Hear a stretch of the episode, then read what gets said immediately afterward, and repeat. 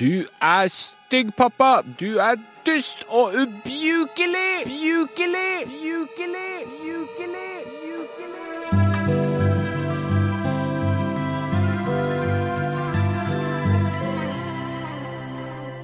Dette var et eksempel fra virkeligheten på hva barn kan finne på å spytte ut. I dette tilfellet var mottaker meg.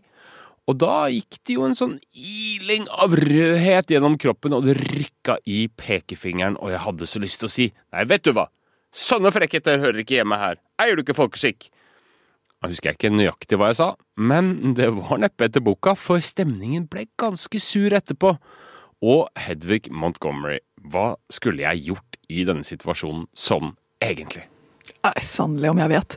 Eh, og her er greia. Det vi snakker om nå, det er jo å lære barn til å fungere sånn noenlunde ute blant folk.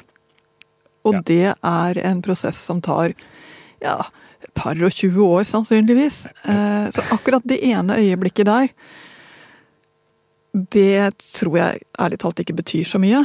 Eh, Men det setter fingeren på noen ting. Nemlig at vi vil jo gjerne ha barn som oppfører seg fint mot andre, og som blir likt. Ja, eh, det vil vi. For vi vil jo ikke ha sånne ufyselige vesener som eh, går rundt, rundt omkring. Men når barn kommer med utfall som man tenker er sånn respektløse og frekke, som at du er en dust eller stygg, som eksempelet var her, da. Hva er det de egentlig prøver å, å si? Hva er det et uttrykk for? Nå må jeg bare si, det er veldig mye som din lille skjønning ikke skjønner. Hvor det lander hen, eller hva det egentlig betyr for noen ting. Eh, og de er ikke så avanserte på å uttrykke seg ennå, eller til å skjønne hvordan det blir tatt imot.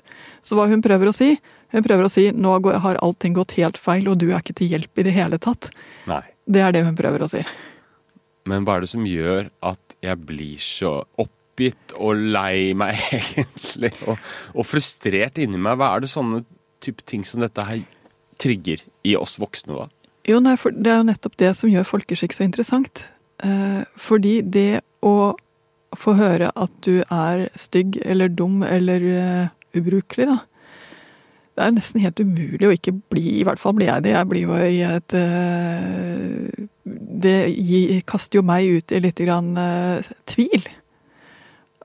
Hvem er jeg egentlig? Eh, og det fører jo ikke til noe spesielt eh, rett i ryggen-møte med barna heller. Nei. Så det å, å bli speila på den måten der, som jo egentlig er det, vi blir speila av våre egne barn, en vi er veldig, veldig glad i, eh, på en ganske forvrengt måte, er klart det gjør noe med oss. Hvis ikke så hadde jo ikke folkeskikt betydd noe. Det beste jeg vet, er jo når sønnen min sier at jeg er kul. Ja. Er det ikke deilig? Ja. Og det er klart, nå vil jeg jo tippe at du får mer kul enn det du får stygg. Jeg gjør ikke det. Et annet eksempel eh, er jo hvis barna sitter og ser på TV, f.eks. Og så er middagen klar, og du roper dem til bordet, og så svarer de ikke, og så roper du en gang til litt høyere, og til slutt kommer 'ja, hold kjeft, da! Hold på med det! Eller noe i den stilen der. Og det er ekstremt provoserende. Hva skal man gjøre, eller hva skulle man ikke gjort? Altså, du treffer jo rett inn i ting. Du har jo stått der og lagd middagen. Lagt kjærlighet ned i næringsrik eh, kost på et eller annet nivå. Eh, og, og svetta over grytene. Og dette er takknemligheten du får. Dette er takken du får. Eh, mannen i mitt liv påpeker ofte det at det å være forelder er en ganske utakknemlig jobb. Du gjør utrolig mye. Du vasker klær, og du holder rent, og du lager mat, og du smører matpakker, og du holder på. Og takken er ofte ah, salami nå igjen på matpakka. Ja. Det er, det, er så, det er ikke sånn at de slår hendene sammen og sier 'tusen takk som lager matpakke til meg', eh, begeistring. Det, det er mye av dette her. De tar oss for gitt. Og når sant skal sies, det skal de jo også. Men tonen vi har hjemme, lærer dem noen ting om eh, hvordan man skal oppføre seg mot hverandre, og hvordan en familie skal se ut. Og hvordan dere er som familie, hvordan grunnstemningen er, hvordan vanskeligheter blir løst, hvordan konflikter blir løst, hvordan eh, leggingen skjer. Altså, alt dette er jo en form for familiekultur som de også tar med seg videre. Så akkurat den der Der og da, igjen, det er bare et spytt i havet. Men vi vil jo ha en familiekultur som ikke har dette som sitt kjennetegn. At vi snakker til hverandre på den måten at vi er røffe med hverandre. De aller fleste av oss ønsker jo å ha litt mer mykhet, litt mer varmhet inn i, i måten å snakke til hverandre på. Så der og da må jeg bare si ok, det er sikkert sant. Eh, de sitter og ser på noen ting. Mm. Eh, og det er vel kanskje også det jeg hadde sagt. At akkurat nå sitter dere og ser på noen ting, men middagen er her. Mm. Jeg hadde liksom gått en runde til. Eh, og gjennom måten jeg snakket på, også vist at det er ikke sånn vi løser det. Men til det du sier der, med å ha en sånn kultur av harmoni eh, hjemme. Det er jo litt sånn hø høna og egget, holdt jeg på å si, situasjon. I hvert fall i en viss alder med barn. At det er liksom En kule varmt er liksom en del av uh, hverdagen. Så hvordan skal man prøve å rigge det til for at det skal uh, bli en fin sånn kultur som de kan lære av, som de kan la seg inspirere av og, og sosialiseres inn i? Det er klart at det er jo du som bruker ordet harmoni, og jeg er faktisk ikke engang så sikker på at det er det jeg ønsker meg. Ok. Eh, I hvert fall i min egen familie. Eh, men hva er det for noe, altså tenk gjennom det. Hva er det for noe jeg virkelig virkelig vil at mine barn skal sitte igjen med når de flytter hjemmefra? Hva er det jeg vil at de skal gå ut med og ha som en sånn ja, Uh, ha som, uh, som 'dette fikk jeg i hvert fall med meg hjemmefra'-liste. Uh, og jeg eh, må si da min eh, eldste hadde flyttet hjemmefra, så han kom hjem og sa at nå skjønte han hvor mye han hadde lært seg hjemme, så var jeg dum nok til å spørre hva. Mm. Uh, og det bør du kanskje ikke spørre en 17-åring om, han var på utveksling. Men han svarte det ene var det at han, uh, han da bodde da i England, det var at uh, jeg hadde alltid vært så utrolig streng på at eh, man skal se seg rundt, eh, ikke gå ned folk eh, på fortauet, ikke sykle for nært folk, eh, ikke eh, slippe døren i ansiktet på folk. Altså den type sånn høflighet der Mm. ute. Og det skjønte han jo nå at det var jo verdifullt, for det var det ingen av de andre nordmennene som hadde fått med seg. Men når man kommer til Storbritannia, så er det superviktig. Og så tenkte jeg, er det, hva er det virkelig så viktig for meg? Svaret på det er nok ja. Det å behandle fremmede, de du ikke kjenner, på, på en måte som, eh, som er respektfull, det syns jeg er viktig. Så jeg var ikke så aller verst misfornøyd med svaret, men jeg syns kanskje det var litt grann tynt. Ja. Eh, Så jeg eh, ville jo gjerne ha mer, da. Eh, Men når andre- og tredjeplass var at jeg hadde lært ham å stryke skjortene sine selv, som jo bare må sies at det å lære ham å vaske og holde tøyet rent, hadde jo vært mye tautrekning rundt det. Eh, Men ok, det hadde jo fungert, men allikevel, jeg føler jo ikke at det var noen viktig verdi. Og på tredjeplass var det at han hadde lært seg å kjenne forskjell på ull og syntet. eh, Bare ved å ta på et plagg, og nå skjønte han jo hvor viktig det var, fordi ull trengte man ikke å vaske like ofte. Nei. Så når han da fikk ansvar for eget liv, så hadde han jo fått med seg noen ting. Men jeg, jeg vet ikke om det er disse tre jeg hadde satt opp, nødvendigvis på første, andre og tredjeplass. Men det å møte folk rundt deg på en sånn måte at de føler seg vel, det står nok absolutt på en førsteplass på min liste. Det gjør det. Og så kan andre ha noe annet. Det er på mange måter helt ålreit. Eh, og så kommer det interessante. Nesten alle opplever én ting. De har barn som de syns ikke takk for maten, ikke tar av tallerkenen av bordet etter at de har spist, ikke gjør liksom sånne ting som vi syns de burde kunne. Og så er de borte på middag hos noen kamerater, og foreldrene sier ah, det er så hyggelig å ha barnet ditt på besøk, for hun er alltid så høflig, hun takker alltid for meg. Og det er bare sånn hæ, er du sikker på at du snakker om mitt barn? Mhm. Eh, Og det tror jeg er ganske viktig å være klar over, at de får med seg ting som de bruker der ute, men som de ikke nødvendigvis bruker når de er slitne, når de eh, er opptatt med noen ting. Altså deres kapasitet til å ja, nettopp gjøre flere ting samtidig er ikke så høy gjennom barndommen. Og hjemme er de veldig eh, av scenen. De oppfører seg sånn som det kjennes ut, og det er ikke alltid like vakkert. Og så tenker jeg om det at på samme måte som at kjæresten min Jeg ser sider av ham som han ikke viser frem der ute, fordi vi er så mye sammen, og fordi vi har det fint sammen. Og han av og til viser ting som jeg syns er greit, siden jeg er så glad i ham, men som jeg syns det er helt i orden om han ikke viser til venninnene mine. Sånn er det jo med barn også. De kan ikke oppføre seg perfekt hele tiden, for da har de ikke noe sted å slappe av, de har ikke noe sted å bare være. Så dårlig oppførsel hjemme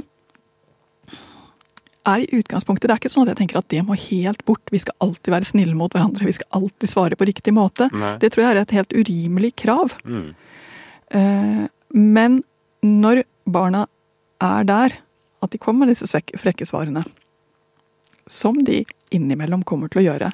Fordi de er nybegynnere, fordi de prøver seg ut, fordi de ikke skjønner hvor det faller henne. Fordi det er det de orker akkurat da. Det kan være så mange grunner. Men da er det første å tenke ok, det var det beste som kom i dag. Ikke ta det så personlig. Det er ikke den speilingen av deg sånn som du er. Du er faktisk ikke stygg.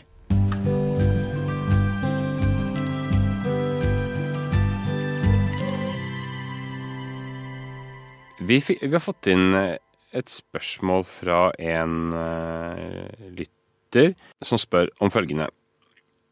Vi har gått oss fast i et spor hvor jenta vår på fem år svarer mye med høy stemme, sint, litt ufyselig svaring. Dette er til oss som hun er trygg på, som du jo er inne på. Har du noen tips? spør eh, denne mammaen da. Hun skriver at de har lyst å snakke med henne om dette, men veit ikke helt hvordan. Hun er full av omsorg, glede, entusiasme, lek og moro, men denne oppførselen tar litt knekken på oss. Hva er egentlig tipset her? Altså Det ene er at vi er helt i startgropa med en femåring med å, å gjøre akkurat denne sosialiseringen som egentlig dette er snakk om. Det er, eh, det er å lære henne å omgås andre på en ålreit måte, og vi er helt i startgropa. Femåringer er også mye slitne, det er mye som skjer i livet deres, sånn at at de renner over og sier ting som ikke er ålreit innimellom, det er helt sikkert. At det kjennes forferdelig ut når det liksom ikke bare går over, men det bare fortsetter og fortsetter og fortsetter. Jeg skjønner godt frustrasjonen. Men det ene det er at når hun eh, da eh, blir rasende for et eller annet Ja, men jeg vil ikke dusje, jeg vil duste mamma, jeg hater eh, alt ved deg, altså hva det nå kan være for noe. Så er det sånn, tenk gjennom hva er det for noe hun prøver å si nå. Hun vil ikke dusje, hun vil bade. Ok, da kan du si det. Åh, er det sånn at du heller vil bade?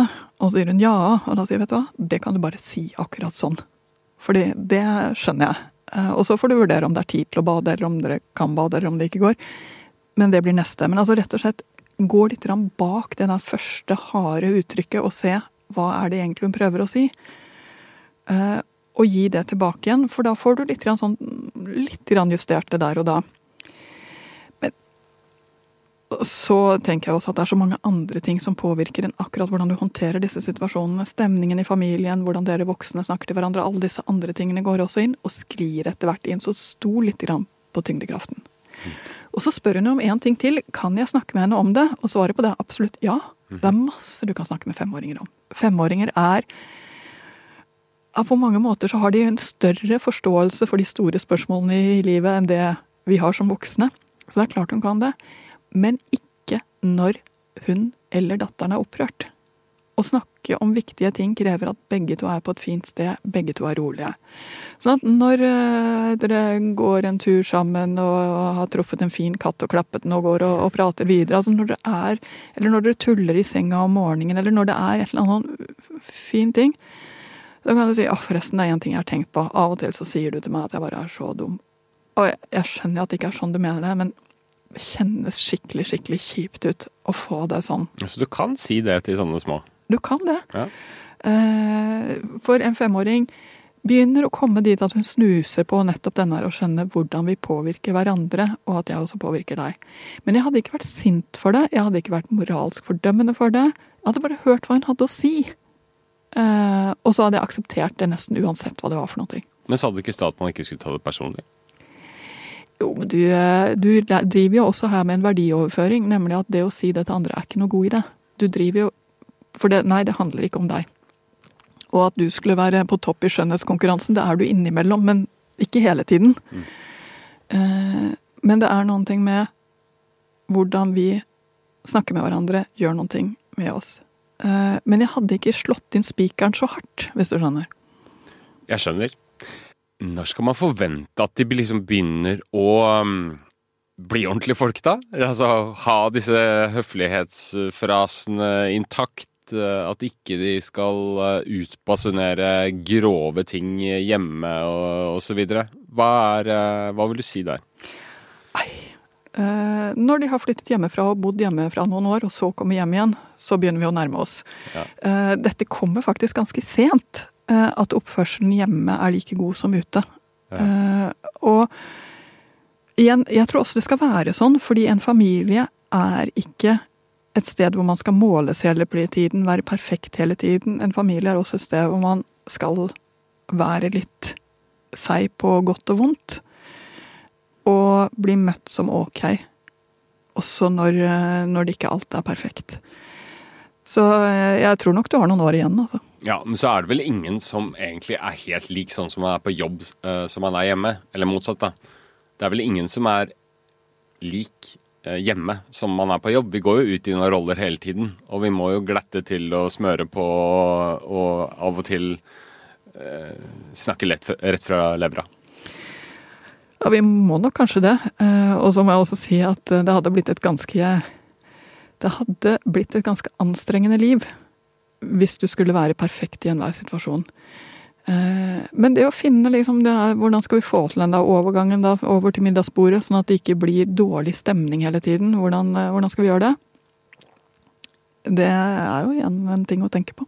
I forlengelse av det så har vi kanskje litt sånn urealistiske forventninger til eh, barna også, for det tar jeg meg selv i ofte. At jeg har så mye forventninger til hvordan ting skal bli, til hva de skal si, hvordan de skal reagere, hvordan vi skal ha det, at det ofte blir liksom skuffelser, da. Ja, ja, og det er interessant, for jeg snakker jo ofte om det om at barn blir ganske mye skuffa. Fordi de hadde sett på seg noe fantastisk. Mm. Men det gjelder jo også oss foreldre. Absolutt. Eh, når vi har sett for oss den uh, turen i marka, så har vi jo følt oss som gorillapappa og uh, friluftsmamma. Eh, som har med alt det riktige i sekken. Vi har i hvert fall ikke sett for oss at vi skal ha glemt fyrstikkene, liksom. Eh, og at det tipper hele turen. Eh, men det Sånt skjer jo.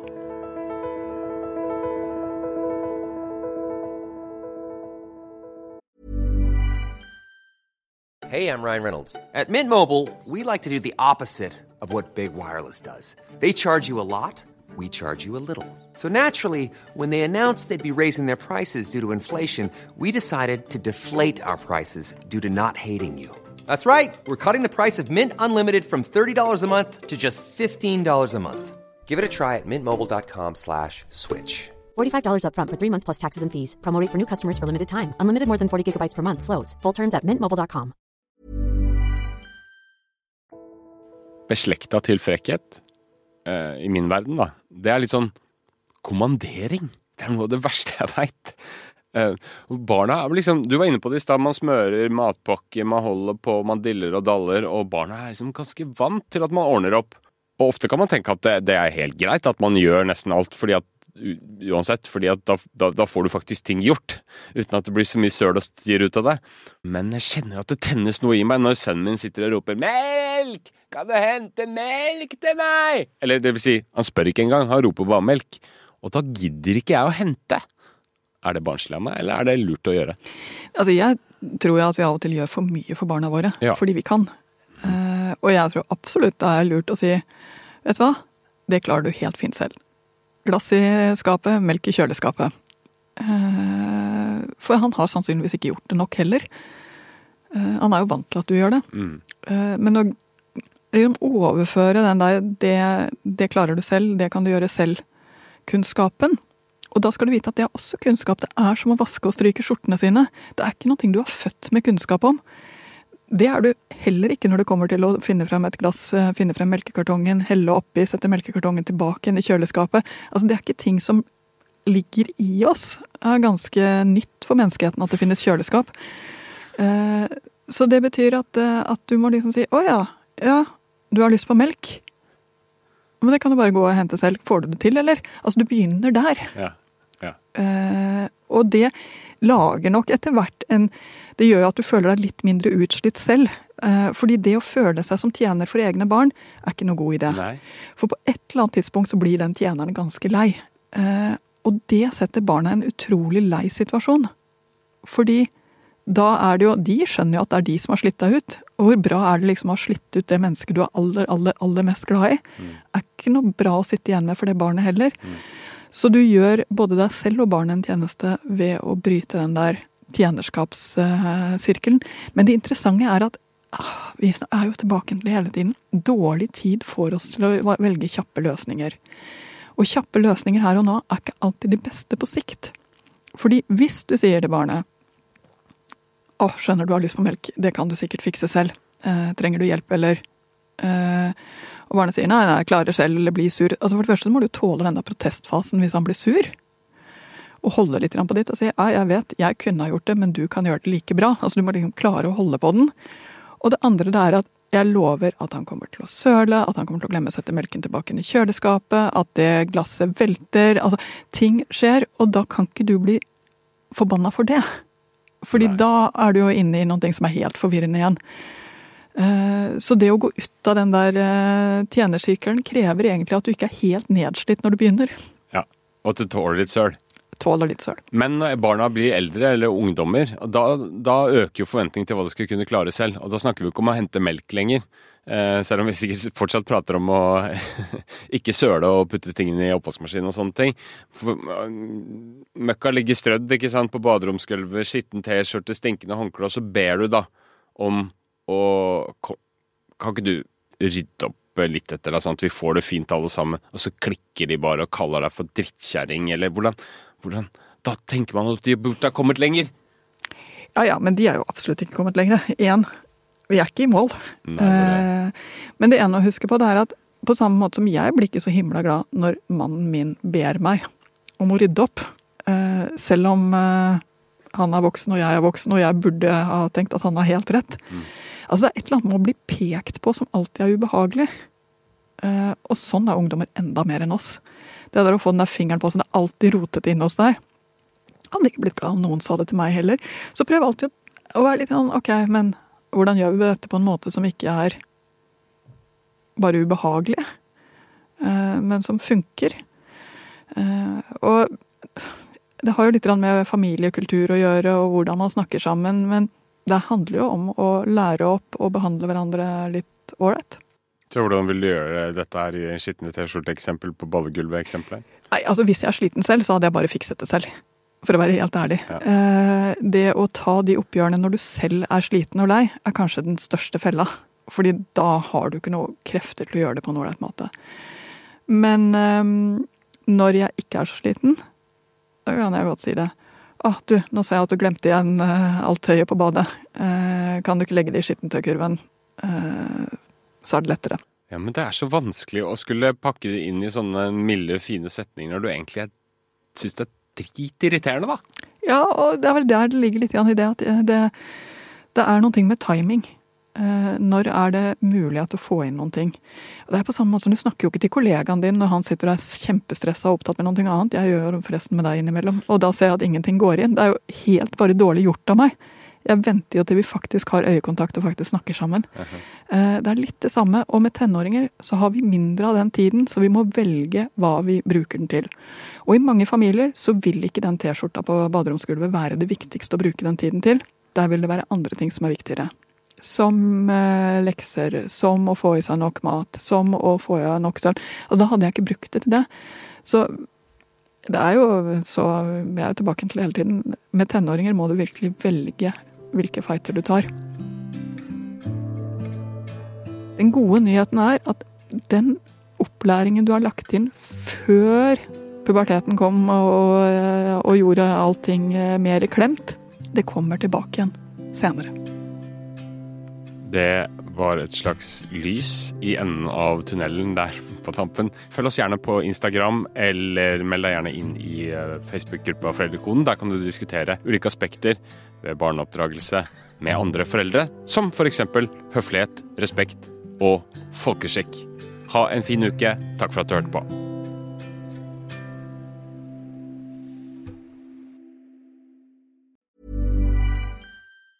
Confidence starts with loving who you are. And when your skin feels nourished and glows on the outside, you naturally radiate confidence from the inside. Give your skin a glow up with Osea's clinically proven Mega Moisture Duo. This ultra hydrating body care features two of Osea's best sellers, Undaria Algae Body Oil and Undaria Collagen Body Lotion. These seaweed powered heroes use skincare level ingredients normally reserved for your face for results you can see and confidence you can feel. Osea has been making clean, clinically proven seaweed infused face and body care products for over 28 years. This luxurious skincare is vegan, cruelty free, and climate neutral certified, so you never have to choose between your values and your best skin. Glow from the inside out. Get 10% off your first order with code GLOW at OseaMalibu.com. That's O S E A Malibu.com code GLOW.